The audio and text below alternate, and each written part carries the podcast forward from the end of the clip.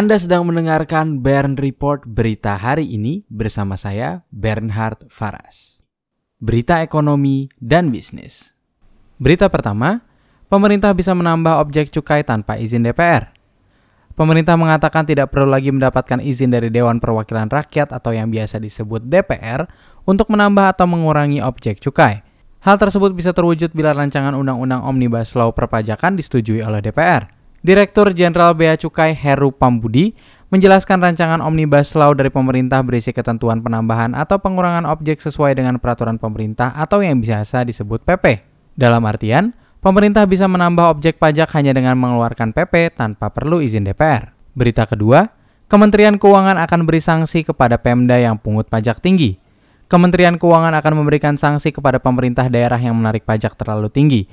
Hal tersebut dinilai akan menghambat investasi. Rencana sanksi ini adalah salah satu bentuk percepatan investasi melalui Omnibus Law. Direktur Jenderal Perimbangan Keuangan Astera Primanto Bakti menjelaskan sanksi yang diberikan yakni pemerintah pusat akan mengurangi transfer dana ke pemerintah daerah.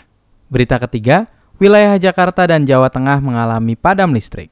Wilayah Jakarta dilaporkan mengalami pemadaman listrik pada hari Selasa 11 Februari 2020, siang waktu Indonesia Barat. Beberapa wilayah di Jawa Tengah juga mengalami pemadaman listrik pada hari yang sama, seperti Semarang, Klaten, Kudus, Magelang, Tegal, Yogyakarta, Cilacap, dan Purwokerto. PLN menyebut bahwa pemadaman listrik di Jakarta disebabkan oleh meledaknya gardu induk milik PLN di Cawang.